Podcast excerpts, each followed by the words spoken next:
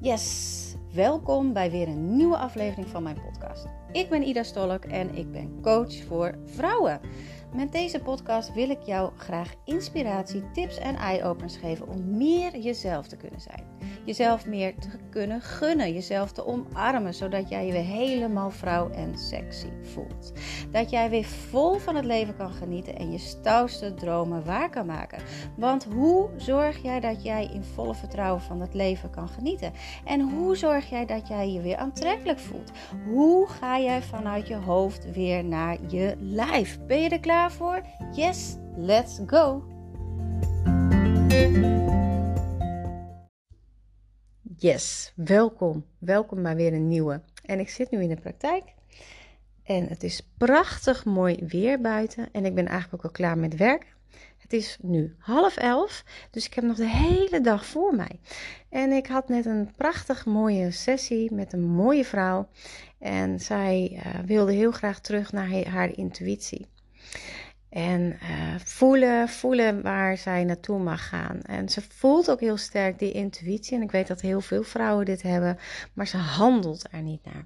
Ze handelt er niet naar omdat, ja, ik weet wel waar het aan ligt. Vaak ligt het aan dat je, ja, toch dat het toch een beetje vreemd is, dat het toch een beetje raar is, uh, omdat jouw intuïtie vaak iets anders aangeeft dan, dan wat mensen van jou verwachten. Dus als jij voor een besluit staat en je moet linksaf of je moet rechtsaf en iedereen gaat linksaf en jouw intuïtie zegt je moet rechtsaf, ja, dan voelt het een beetje gek. Je wil eigenlijk het liefst ook linksaf met, uh, met de kudde mee. Um, omdat dat veilig voelt. Wanneer jij alleen staat en dan ook echt letterlijk alleen staat, omdat je alleen dat pad gaat bewandelen, ja, dan, dan, dan voel je echt een buitenstaande. En wij hebben natuurlijk in onze, kindertijd toch wel ontwikkeld dat we echt heel graag bij willen horen, dat we het goed willen doen. Hè, en, en dat, dat weerhoudt je dan, zeg maar. Maar het kan ook op diepere lagen zitten. Het hoeft niet alleen uh, in dit leven te zitten. Um, of, of dat je er niet naar wil luisteren. Of dat je gedachten hebt van: Goh, wat vinden mensen mij nou van mij als ik dus wel rechtsaf ga, terwijl iedereen linksaf gaat? Um, het, het kan ook wat dieper liggen. En als ik daar even op inga, dan kan ik wel voor mezelf spreken. Want ik heb dat zelf namelijk ook gehad. Ik heb echt een, uh, een probleem gehad op voelen. Um, ik voelde wel en ik handelde er niet naar, maar ik voelde ook niet echt. Weet je, het, het kwam niet echt binnen.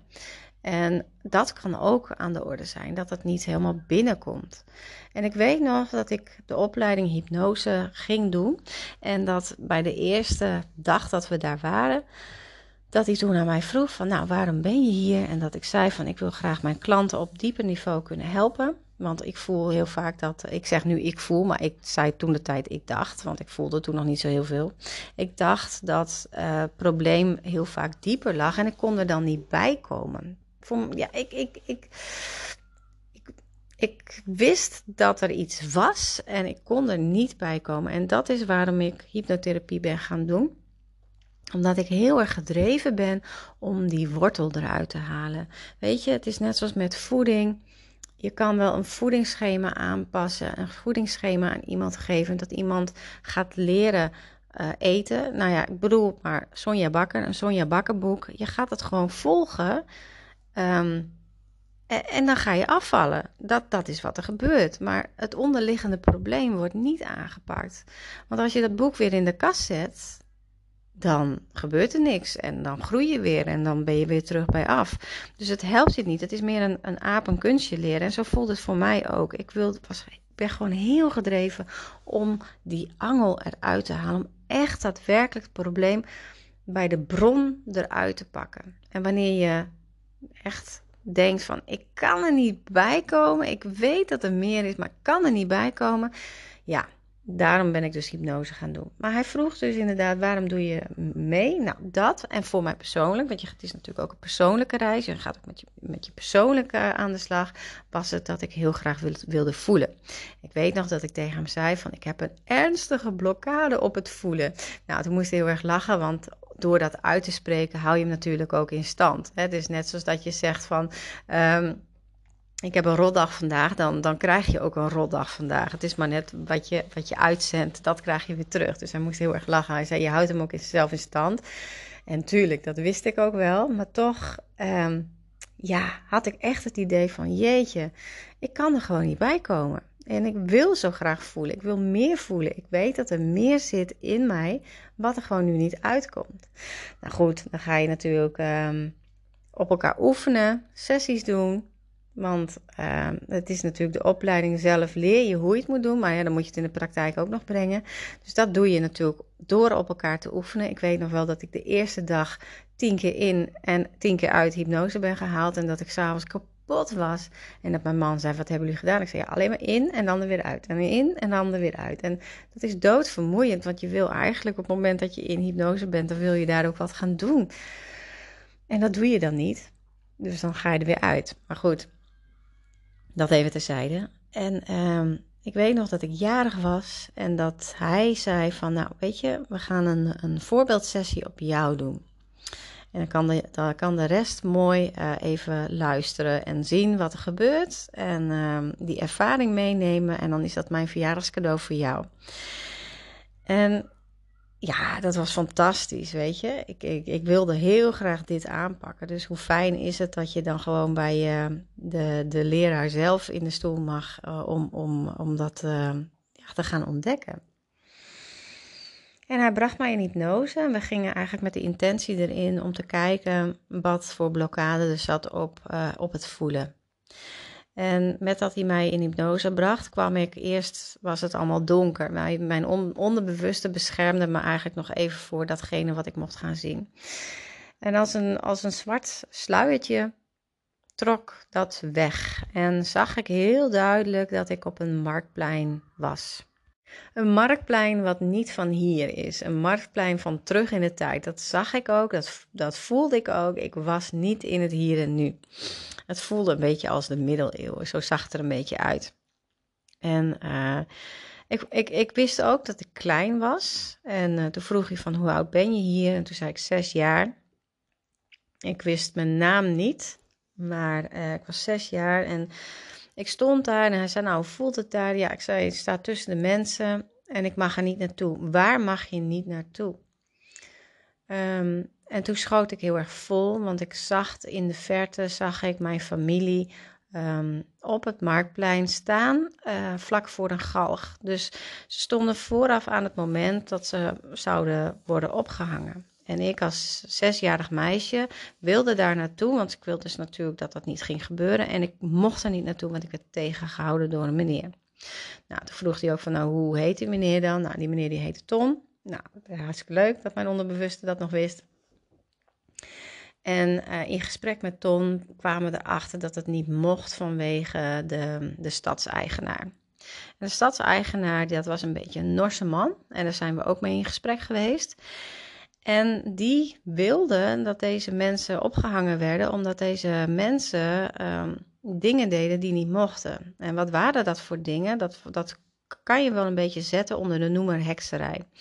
Dus uh, dat wat in die tijd nou ja, niet getolereerd werd, omdat ja, toch een bepaalde magische krachten bezaten die misschien invloed kunnen, konden hebben op, op nou ja, de, de, de mensen die wat meer macht zouden hebben, hè, onder andere de, de stadseigenaar.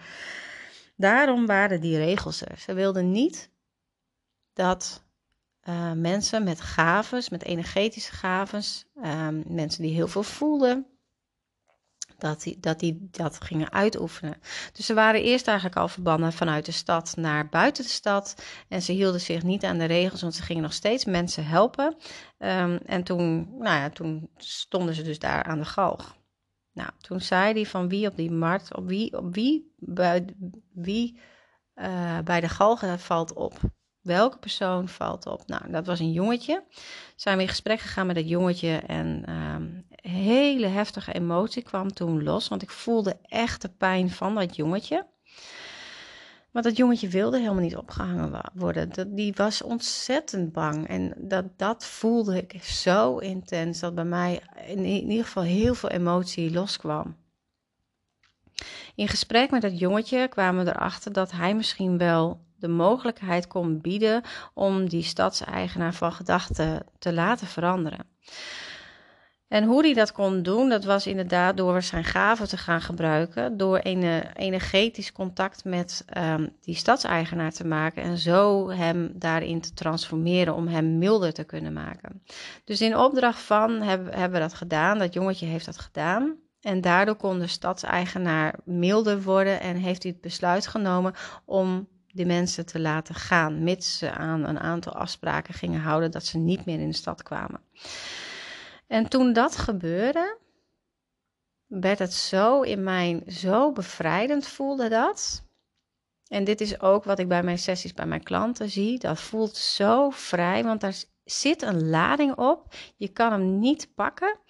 Je weet niet precies waar die zit. Uh, en, en dan met je onderbewuste kan je erbij komen. En wanneer je het daar kan loslaten, um, neemt hij eigenlijk alle momenten vanaf dat moment ook mee. Dus niet alleen die, dat moment, maar ook alle momenten in de toekomst neemt hij weer mee.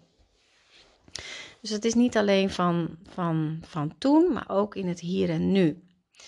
Want de geschiedenis herhaalt zich namelijk iedere keer weer wanneer je er niks aan doet. Dat zie je familiesystemen ook heel vaak. Dat blijft zich herhalen, mits je er wat aan gaat doen en kan helen. Dan hoeft het zich niet meer te herhalen. En zo was het bij mij natuurlijk ook. Omdat ik daar last van had, dat dat is gebeurd, um, heb ik toen als zesjarig meisje besloten van... hey, het is niet oké om te voelen, het is niet oké om dit soort werk te doen... want dat, daar zit een straf op, dus doe ik het maar niet. Dus mijn onderbewuste had besloten... hey, niet gaan voelen is het allerbeste, want daar zitten er ook geen consequenties aan. Dat meisje kon weer herenigd worden met haar familie.